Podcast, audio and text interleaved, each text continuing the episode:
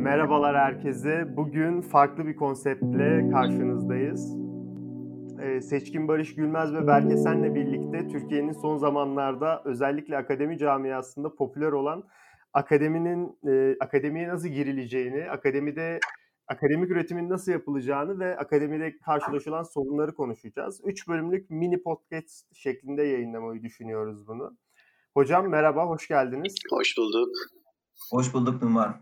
Bugün ilk başlamak istediğim konu biraz daha öğrenci odaklı olmasını istediğim için sizin hikayelerinizi dinleyerek başlamak istiyorum öncelikle. Akademik hikayelerinizde nasıl bir serüven izlediniz ve bu serüvende en çok öğrenci olarak karşılaştığınız zorlukları merak ediyorum ben. Çünkü bugünün dünyasında ben de bir akademik akademisyen olmak isteyen bir öğrenci olarak birçok zorlukla karşılaşıyorum. Özellikle sizin zamanınızda akademisyenlik çok popüler bir meslek değildi. Yani o zaman Türkiye'nin yükselişini göz önünde bulundurduğumuzda bankacılığa, özel sektöre geçmek daha rahat ve daha kolay gözüküyordu. Ama akademisyenlikte farklı bir tercihti.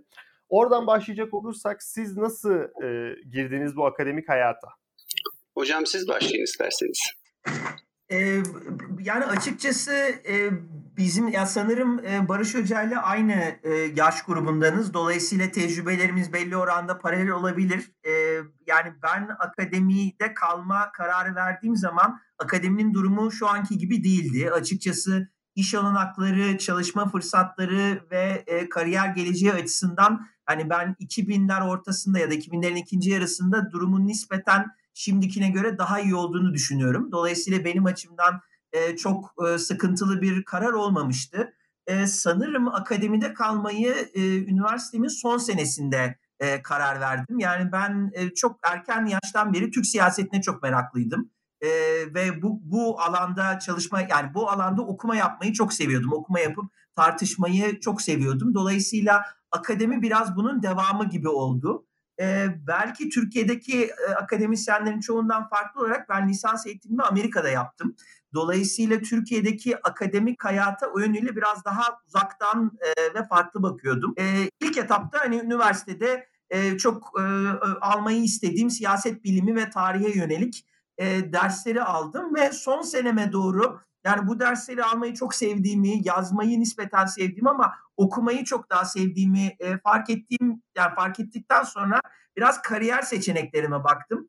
E, Türkiye'ye dönmek istiyordum ve tabii Türkiye'de bir kariyer kurmak istiyordum. Yani noktada tabii e, lisans derecesi sonrası e, siyaset bilimi alanında okuma yazmayı devam ettirebileceğiniz Türkiye'de çok fazla meslek dalı yok. Yani bu yönüyle Türkiye aslında e, birçok Avrupa ülkesinin ve Amerika'nın, Kanada'nın gerisinde. Yani orada sosyal bilimlere meraklı ama doktora yapmamış fakat sadece lisans diploması olan veya master diploması olan insanların iş olanakları aslında yüksek. E, fakat Türkiye olmadığı için ya bir master yapayım dedim. Arkadan bir master daha yaptım ve doktora biraz bunun doğal sonucu olarak geldi. Dolayısıyla lisans hayatımın e, sonuna doğru hani bu kararı verdim. Ama tabii ki şunu söylemek gerekiyor. E, bu büyük bir karar çünkü e, Numan senin demin söylediğin gibi yani o dönemlerde de özel sektör revaçtaydı. Şimdi tabii daha da önem kazandı. Siz bu kariyer e, seçimini yaptıktan sonra birçok arkadaşınız özel sektörde devam ettiği zaman çok daha erken bir hayat kurabiliyorlar. İşte e, araba sahibi oluyorlar, ev sahibi oluyorlar, maaşları yüksek olabiliyor ve siz hala öğrenci olarak 20'li yaşlarınızı hatta 30'lu yaşlarınızın e, ilk başlarını geçirebiliyorsunuz. Dolayısıyla hani orada büyük farklar oluşabiliyor. Yani akademiyi gerçekten seven insanların yapabileceğini düşünüyorum. Hani bu yönüyle mesela ben hiç pişman olmadım. Geriye dönüp ya yanlış bir seçim yaptım demedim. Ee, ama bu e, gerçekten hani ciddi bir karar. Ee, onu e, herkesin e, bilerek e, bu yola girmesi iyi olur. Barış Hocam? Ee, Berk Hocam çok iyi özetledi. Ee, çok paralellikler var tecrübelerimizde. Yani farklı olarak ben e, lisans eğitimimi Türkiye'de yaptım. Orta Doğu Teknik Üniversitesi'nde yüksek lisans da yaptım orada. Tabii o süreç içerisinde benim asıl amacım akademi değildi. Şimdi daha önceki konuşmalarımda da hep bunu söyledim. Hani ben aileden dolayı, rahmetli anneannemden dolayı böyle bir e, Dışişleri Bakanlığı'nda diplomat olma e, sevdasına kapılmıştım falan. Ondan dolayı e, uluslararası ilişkiler tercihini yapıp e, doğrudan Dışişleri Bakanlığı'na hazırlanırım gibi bir düşüncem vardı. E, zaten e, işte ODTÜ'de de Uluslararası İlişkiler bölümünde de yani biraz böyle bir misyon da var. Hani devlete, e, dış özel sektöre çok fazla e, rağbet var. Akademiye çok fazla rağbet yoktu benim zamanımda da. Ama şöyle bir durum oldu. Ben 2002 mezunuyum. 2001 krizi geldi. O süreçten sonra hani e, birazcık tepetaklak oldu iş piyasaları. İnsanlar ister istemez yüksek lisans e, yapma e, ne derler refleksi içine, eğilimi içine girdiler. E, ya o furyada tabii ben de geçtim. Ben de yüksek lisans yapayım dedim. Sonra bir yerde bir iş buldum. E, bir süre öyle idare ettim Ankara'da. Ee, ve arada bir şansımı deneyeyim dedim. İşte Dışişleri Bakanlığı'nda mülakattan geldikten sonra hani birazcık açıkçası şey oldum. E, soğudum o olaydan. Farklı bir şey yapayım dedim. Ve e, ister istemez o süreç beni akademiye soktu. Ee, işte e, İngiltere'den burs buldum. Sonra kendim işte İngiltere'de buldum. Hatta eşimle beraber gittik. Yani ortak bir süreç yaşadık. O olay aslında beni biraz akademide tuttu. Sonra bir e, yüksek lisans tezimden bir yayın yapma imkanı buldum. Ondan sonra dedim ki ben doğru yoldayım ve bu işten de zevk aldım. Devam etmeliyim. Ve o şekilde e, yani sürece başladım. Bir de doktora bursu da bulmama yardımcı oldu açıkçası o e, şey e, Turk Studies'de yayınlanan makale. Yani benim hikayem şu açıdan biraz farklı. Ben daha farklı bir meslek düşünürken kendimi akademide buldum gibi oldu. Ee, ondan ben öğrencilerime de söylüyorum. Yani e, sanki siz akademiyi seçmiyorsunuz da daha çok akademi sizi seçiyor gibi oluyor. Ee, benim hikayemde biraz böyle oldu. Biraz sürece bakmak gerekiyor. Biraz yatırım yapmak ve ondan aldığınız sonuca göre hareket etmek gerekiyor. E, şimdilik hani ben böyle söyleyeyim yani ikinci etapta devam ederim. O zaman ben ikiniz de tezden bahsettiniz. Ben merak ettiğim bir e, konuyu sorayım. Hem de dinleyecek insanlar açısından bir aydınlatma olur ya da bir ufuk açar onlar için. E, bu tez konusu meselesi. Esasında sadece doktora ya da yüksek lisans tezleriniz değil, genel olarak yazdığınız şeylerde de bir konuyu çalışmaya karar verirken bunu nasıl belirliyorsunuz? Yani oradaki literatürdeki boşluğu nasıl buluyorsunuz ya da bu kafanızda bu soru işareti nasıl oluşuyor? İlk başta benim merak ettiğim şey bu. Berk Hocam siz de başlayalım yine isterseniz. Ee, yani ben e, tabii hem master tezim hem de doktora tezim üstünden baktığım zaman temel faktör kişisel meraktı. Yani gerçekten hani ben bu mesleğe de biraz önce de söylediğim gibi merak ettiğim, ilgi duyduğum için girdim. Dolayısıyla hep onun paralelinde e, tez konuları seçmeye çalıştım.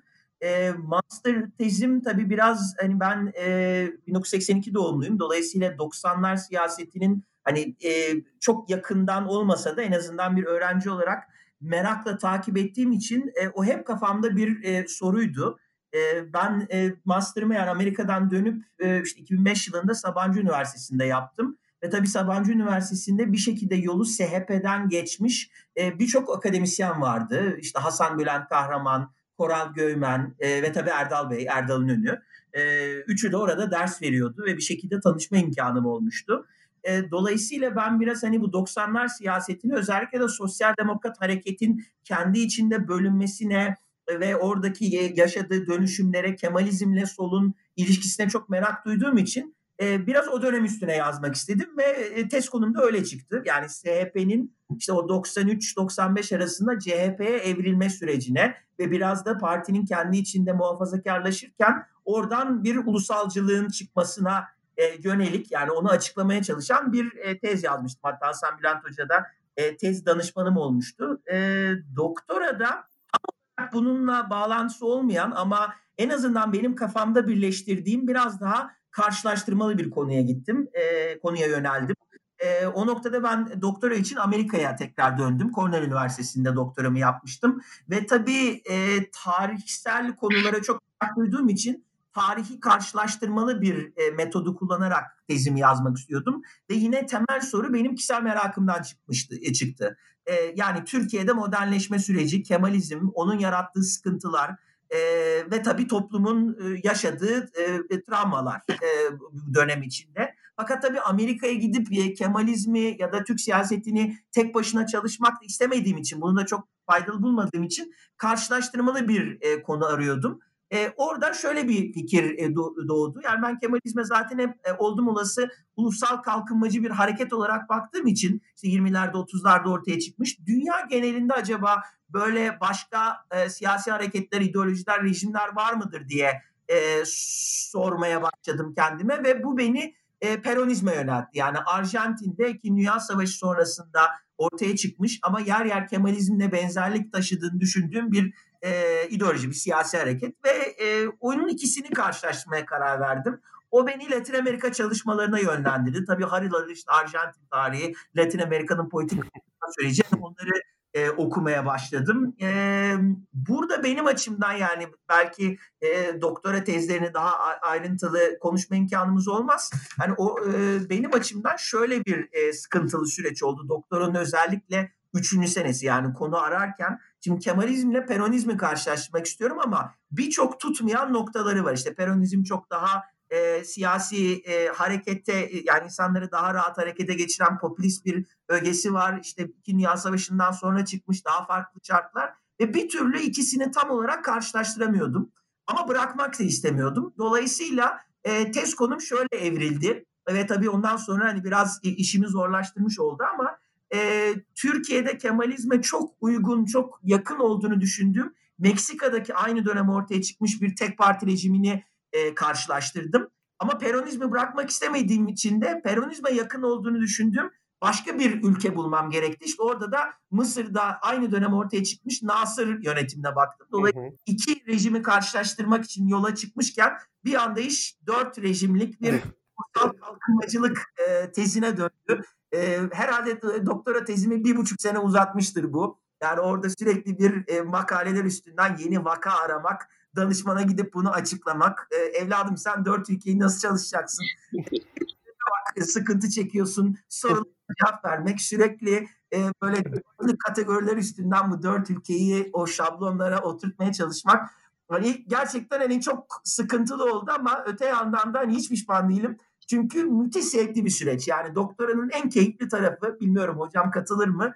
E, boş zamanınız var ve istediğiniz şeyleri okuyabiliyorsunuz heyecanla o kitaptan, o kitaba, o makaleden bu çalışmaya kendinizi atıyorsunuz. Ee, benim biraz doktora sürecimde hani bu şekilde oldu. Yani kişisel merak, ilgilendiğim, zaten günlük hayatında da okumak istediğim konularla birleştirdiğim hep soruları sormaya çalıştım. Barış Hocam katılır mısınız? Doktora tezinin en belirleyicisi ya da tez yazarken en belirleyici unsur kişisel meraktır. Ee, tabii katılıyorum. Zaten o motivasyon olmadan, ilgi olmadan o süreç işlemiyor maalesef. Hocam çok e, haklı, çok doğru bir tespitte bulundu.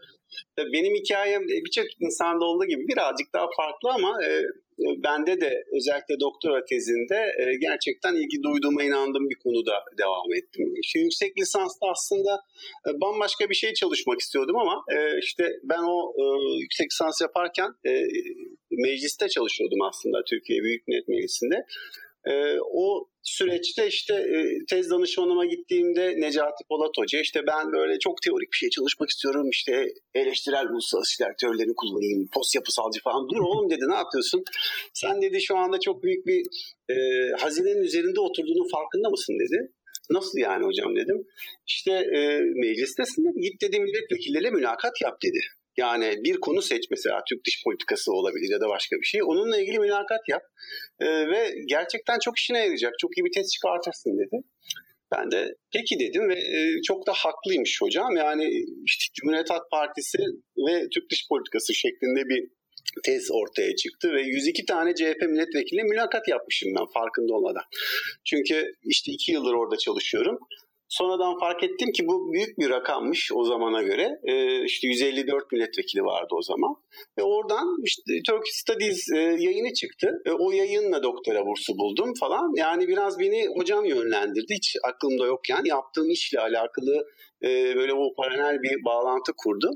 E, ve ondan sonra e, ben dedim buradan devam etmeliyim. İşte Avrupa e, yayınımda biraz işte Türkiye'nin AB ilişkileri, Avrupa şüpheciliği falan gibi bir argümanla başlamıştım. Aslında o yayın benim doktora tez konumu düşünmemde, belirlememde inanılmaz fayda sağladı. Çünkü işte CHP'nin AB politikası falan gibi bir yayın yapmak istiyordum ben. Onu göndermiştim ve bana öyle bir hakem raporu geldi ki e, Turkish Studies dergisinden. Ben kendime doktora konusu buldum. Yani ee, öyle söyleyeyim. İşte hiç aklımda e, işte bilgim dahilinde Avrupa şüpheciliği diye bir kavram yokken e, hakem bana öyle bir kavramdan bahsetti ve dedi ki böyle bir konuda yazılmış olsaydı bu çalışma çok iyi olurdu. E, ben de oturdum harıl harıl o literatürü hatırlatmaya çalıştım ve öyle bir makale yayınladık. Ondan sonra dedim ki ben Avrupa şüpheciliği çalışmak istiyorum arkadaş. İşte sadece CHP değil bütün partileri alayım hatta Türkiye olmasın işte aday ülkelerle karşılaştırma yapalım falan. Yani o, o şekilde kıvılcım patladı ve inanılmaz bir heyecan duydum ben o konuya. Tabii e, o sayede burs da bulduk e, ve Türkiye'yi diğer aday ülkelerle karşılaştırdım. Bir tez çıktı ortaya. E, yani e, tabii doktora tez süreci çok sancılı bir süreç oldu benim için. Onu söylemem lazım. E, hocamın dediği gibi en az 4-5 yıl belki 6 yıllık bir süreciniz var. Ülkeden ülkeye değişen ve hani serbestsiniz. Sizi kendi halinize bırakıyorlar çoğunlukla. İşte e, ve e, sadece hani genel outline konusunda e, doğru yolda mısınız? Onunla ilgili danışmanlık veriyor hocalarınız. Ama bunun dışında çoğu şeyi aslında %90'ını siz yapıyorsunuz. Ve tamamen sizin o e, ne derler staminanızla alakalı. İşte okumayı ne kadar sevdiğinizle, yazmayı ne kadar sevdiğinizle ve ne kadar disiplinli bu işi yapabildiğinizle alakalı. Ben Hani o süreçte e, çok böyle sıkıntı çektiğim oldu. Literatür taraması bir türlü bitmiyor. Sonra işte bir e, teorik çerçeve e, tezi e, şeyi yapmaya çalışıyorum bölümü. Bir yıl sırf o sürdü mesela. Teorik çerçeveye oturtana kadar bir yıl ben harcamışım. Şimdi düşünüyorum yani hani e, o zaman farkında değil olmuyor insan. Yani bu süreyi nasıl harcayacağım ve sürenin ne kadar hızlı geçeceğini de fark etmiyor. O yüzden e, hani son bir yılda birçok şeyi çok hızlı bir şekilde toparlamak zorunda kaldım. Ee, dediğim gibi okyanus gibi bir süreçte buluyorsunuz kendinizi doktorada ve daha önce böyle bir şey yapmadığınız için de gerçekten e, ne derler hani pusulasız bir gemide ilerliyormuş gibisiniz. O yüzden e, tamamen yolda öğreniyorsunuz birçok şeyi diyebilirim. E, orada aldığımız trainingler, eğitimler falan bizi bir dereceye kadar bir ileri attı ama o, o direksiyonun başında siz olmak zorundasınız. Daha önce böyle bir şey yapmadığınız için de gerçekten çok zorlanıyorsunuz. Ama o eşiği açtıktan sonra da artık hani gerçekten akademik hayata hazır olmaya başlıyorsunuz diyeyim. Böyle de bitireyim. Ben o zaman ikiniz de bahsettiniz. E, doktora sürecini ve Amerikan doktorası, İngiliz doktorası farkını sormak istiyorum size. Özellikle başvurularda ve bu tip şeylerde e, nasıl değişiyor bu? Yani Amerikan başvurusunun sistemi farklı oluyor, İngiliz başvurusunun sistemi farklı oluyor. Girdiğiniz sınavlar değişiyor vesaire. E, ve aynı zamanda biri daha uzun, biri daha kısa. Burada hangisini önerirsiniz ya da daha doğrusu önermek değil, farklarını net bir şekilde nasıl çizebiliriz bu ikisi arasındaki doktoraları? Barış Hocam sizle başlayalım bu sefer. Tamam. Tabii ben İngiltere ayağını anlatayım. Ee, İngiltere'de tabii 4 e, yıl olarak planlanıyor ama işte bir yılda uzatma şansınız var. İşte 5 yılda genelde 5 yılda bitiriliyor. Ee, ben böyle 4 yıl 3 e, ayda bitirdim. Öyle söyleyeyim. Buradaki yani avantaj diyebileceğim şey birinci günden doktora tezinizle başlıyorsunuz. Yani e, normalde e, diyelim Türkiye'de de Amerika'da işte en az bir yıl bir ders alma programı, işte yeterlilik komprehensif sınavları burada yok. Burada birinci günden tezinizle ilgili çalışmaya başlıyorsunuz ve ilk yıl e, iki tane ödeviniz var. Bir tanesi e, bir e, literatür taraması yapmanız bekleniyor. İkincisi de bir 10 bin kelimelik bir e, proposal yazmanız bekleniyor. Yani işte tezin e, ne derler bir giriş bölümü gibi bir şey. Tabii bunlar e, doktora tezinizin bitme aşamasında tamamen değişiyor yani. Hani ilk sene bir literatür taraması yazıyorsun sonra son sene tekrar bir literatür taraması yazıyorsun. O 4 seneyi de içine alan gibisinden ama o bir sene sonunda size upgrade'i alıyorlar. E, o ne demek? Yani doktoraya devam edebilecek mi? Bu bir yıllık performansı doktoraya devam etme konusunda yeterli mi değil mi? Yeterli değilse enfil denilen başka bir ara bir birim var. Hani doktora ile yüksek lisans arasında sizi ona yönlendiriyorlar veyahut da diyorlar ki e, programı bırak. Benim dönemimde bir tane e, bir Türk arkadaş böyle programı bırakmıştı. Yani o upgrade süreci gerçekten zor oluyor. E, şimdi hani kulağa kolaymış gibi gelebilir bir yıl içerisinde sizden istenen çok fazla şey yokmuş gibi gelmekle beraber işte upgrade sınavı tamamen sizin doktora test konunuzla alakalı. Evet ama hani gerçekten e, ben e, test savunmamdan daha çok zorlandığımı söyleyebilirim bu upgrade'de.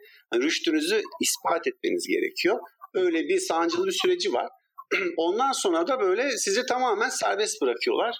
Ee, siz hani geri kalan 3 yılda o tezi toparlamaya çalışıyorsunuz ama işte en az 2 sene içerisinde saha araştırması yapma zorunluluğunuz falan var. Bu tarz standartları var. Ee, ama dediğim gibi ondan sonra tamamen size kalmış bir süreç.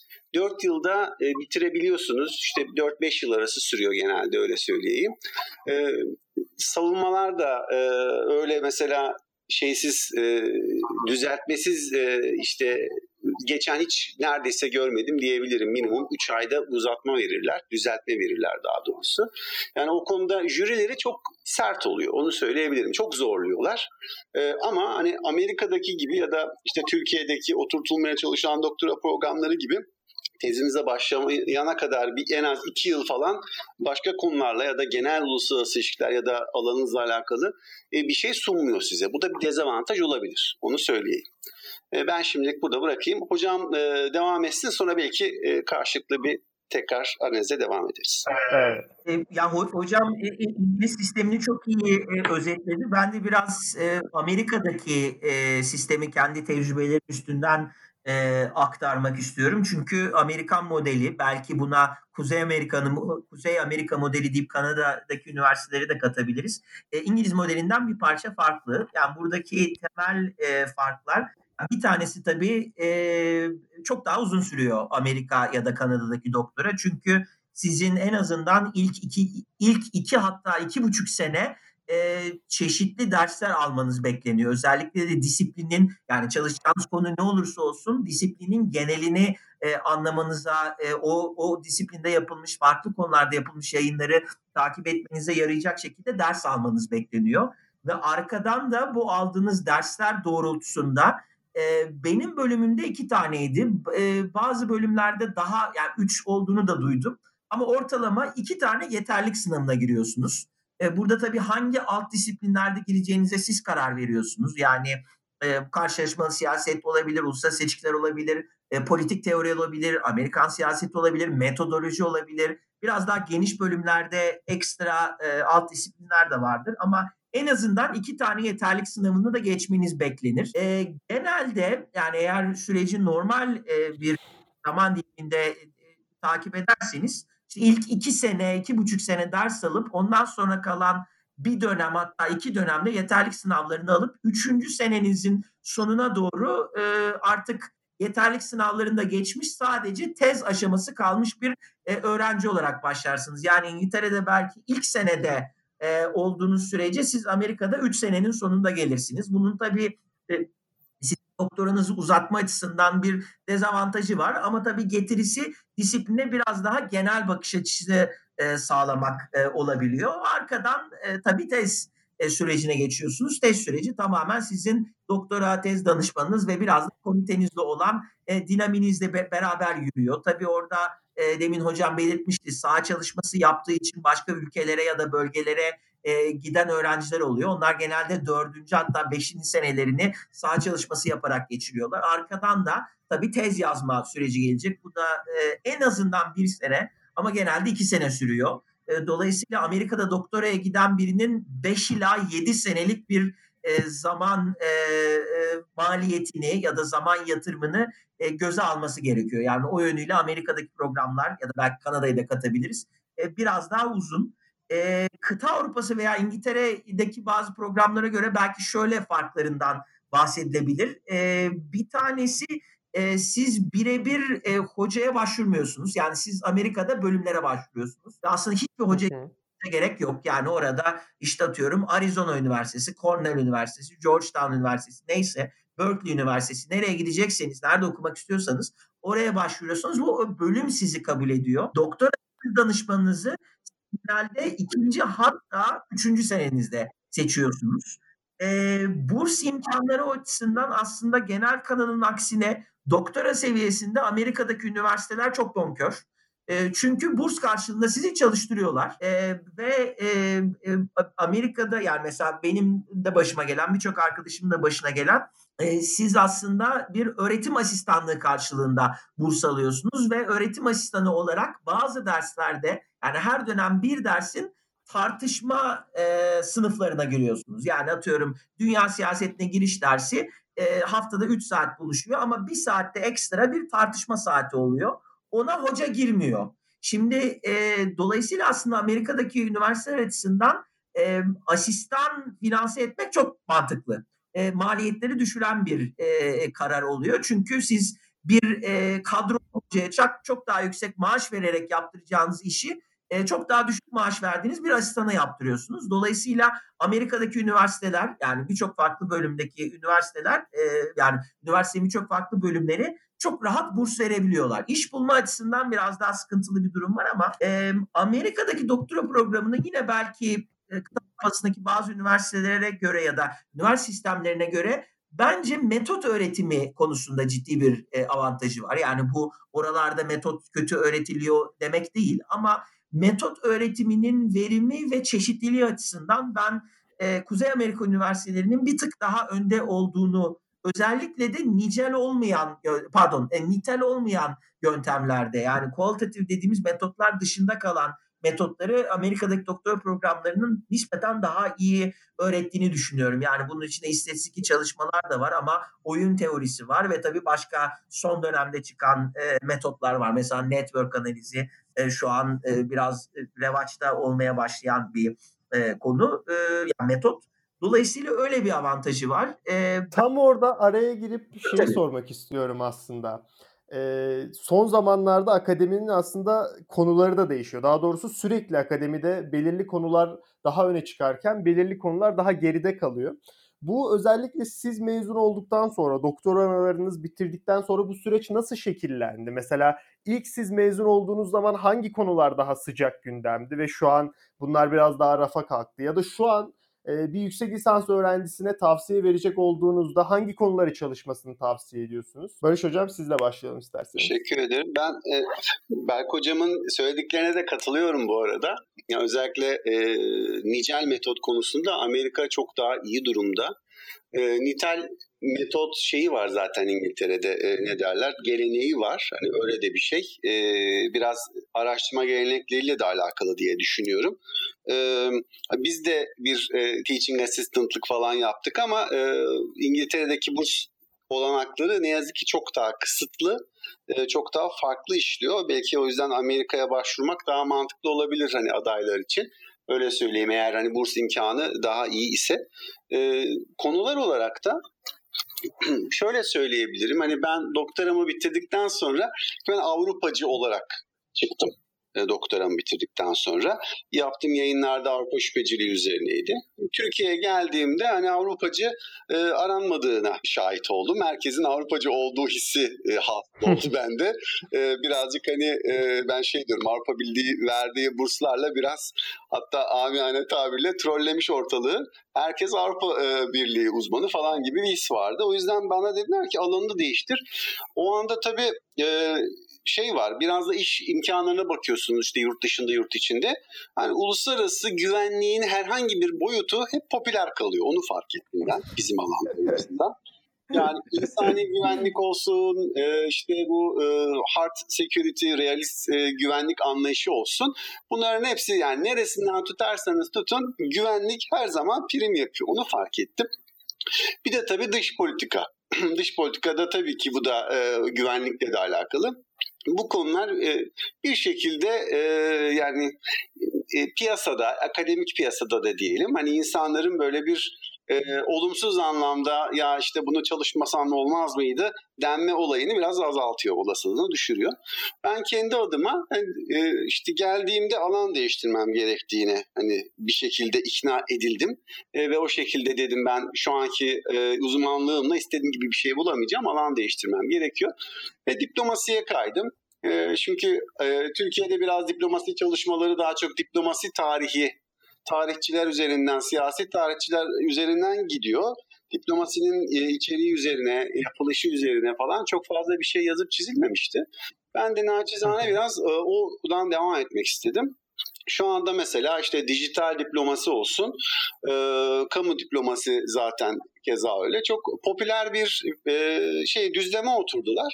Şu anda çok insan o tarz konuları çalışmak istiyor. Benim de hoşuma gidiyor. Ee, Türkiye'de de bu konuların yerleşmesi.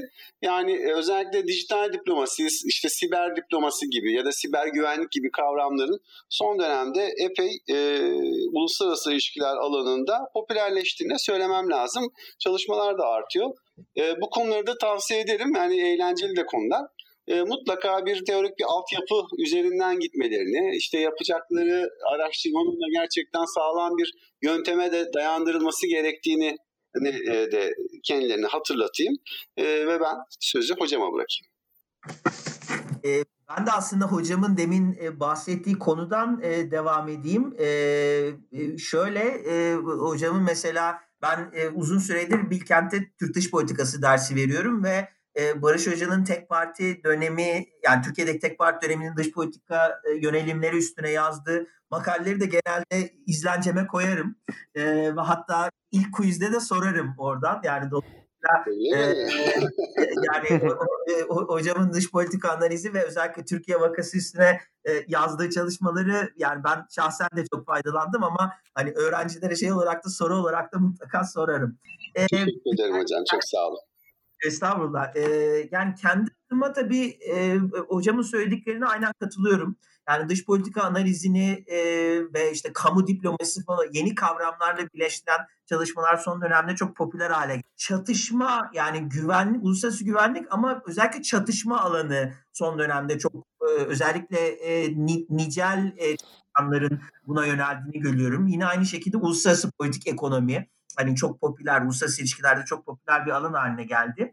Ama kendi çalıştığım e, konular üstünden baktığım zaman temel değişiklik aslında şu oldu ve ben de e, kendi çalışmalarımda hani bu, bu, bu değişiklik üstünden yürüdüm. E, ben doktora 2007 yılında başlamıştım. Yani 2007'nin sonunda başlamıştım ve o dönem hala demokratikleşme çok popüler bir konuydu ve e, özellikle hani e, e, gelişmekte olan ülkelerde demokratik demokratik düzenlerin sayısı artıyordu ve birçok yerde demokratik sistemler güçleniyordu. 2000 sonrasında bu trendin tamamen tersine döndüğünü e, görüyoruz. E, ve e, demokrasilerin yayılmasından ziyade otoriter rejimlerin, bu yükselen popülist dalga sonrası otoriter rejimlerin yayıldığını e, tespit etmeye başladık ve bunun üstünden de yani benim karşılaşmalı siyasette baktığım, e, e, yani takip ettiğim konularda neredeyse tamamen değişti. Yani ülkelerin neden demokratikleştiğinden ziyade neden otoriterleştiği, işte demokratik rejimlerin neden çöktüğü, otoriter rejimlerin nasıl yayıldığı, güçlendiği, süreklilik kazandığı soruları e, ön plana çıktı. E, dolayısıyla hani otoriter rejimler demokratik gerileme ve popülizm özellikle de sağ popülizm bu yıl içinde son 5 senenin gerçekten çok revaçta olan konuları. E, çünkü elimizde çok fazla vaka var. Yani Türkiye var, Macaristan var, Hindistan var, Filipinler var. E, dolayısıyla karşılaştırmalı çalışma yapmak isteyen e, araştırmacıların, öğrencilerin önünde hani bu yönüyle çok büyük bir e, fırsat var. Bir de tabii buna bağlantılı olarak belki belki hocam da katılacaktır. Yani biz akademiye ilk girmeye başladığımızda ya da girmek istediğimizde sadece Türkiye çalışılarak da çok şey yapılabiliyordu.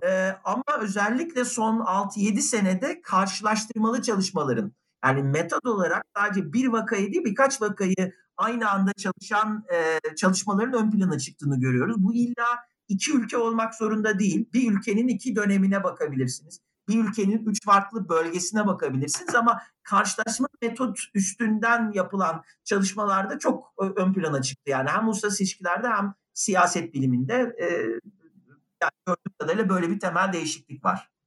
Hocama da çok katılıyorum. Çok kısa ben burada bir e, şey tamamlayıcı bir şey söyleyeyim. E, hocam çok haklı. Bizim zamanımızda da öyle. Biraz da hani yurt dışında doktora yapan Türklerin e, şu anki durumu nasıl bilmiyorum ama bizim zamanımızda biraz öyleydi. Sen Türkiye'ye çalış e, şeyi vardı. Hani bon pour l'Orient diye bir kavramı vardır Fransızların. Hani doğullar için bu e, yeterlidir. Kendi ülkelerin çalışsın sonra nasıl olsa ülkesine geri dönecek anlayışı belki de vardı. E, bundan dolayı biz kendi ülkemizi çalıştık hep. Ama illaki bir e, karşılaştırmalı bir şey eklemek gerekiyor. Yani ana vak, e, vakanınız kendi ülkeniz bile olsa onun başka ülkelerle olan duruşu da çok önemli. E, o yüzden illaki bir günümüzde karşılaştırmalı bir açı eklememiz gerekiyor. Ben de çok katılıyorum. E, dediğimiz gibi, hocamın da dediği gibi yani ya iki ya da ikiden fazla ülke ya da aktör karşılaştırılabilir ya da bir aktörün işte uzun e, soluklu e, işte diyelim 200 yıldaki değişik dönemlerindeki uygulamaları karşılaştırılabilir. Bu da mesela çok yapılan bir şey değil aslında. Yapılması gereken bir şey. İşte longitudinal e, study diyoruz buna. E, yani bu tarz değişik e, şeylere çok ihtiyaç var. E, özellikle karşılaştırma çalışmaları da ben de tavsiye ediyorum öğrencilerimize burada. Öyleyse bu bölümlük bu kadar diyorum ve bu bölümü bitiriyorum. Gelecek bölümlerde görüşmek üzere. Hoşçakalın.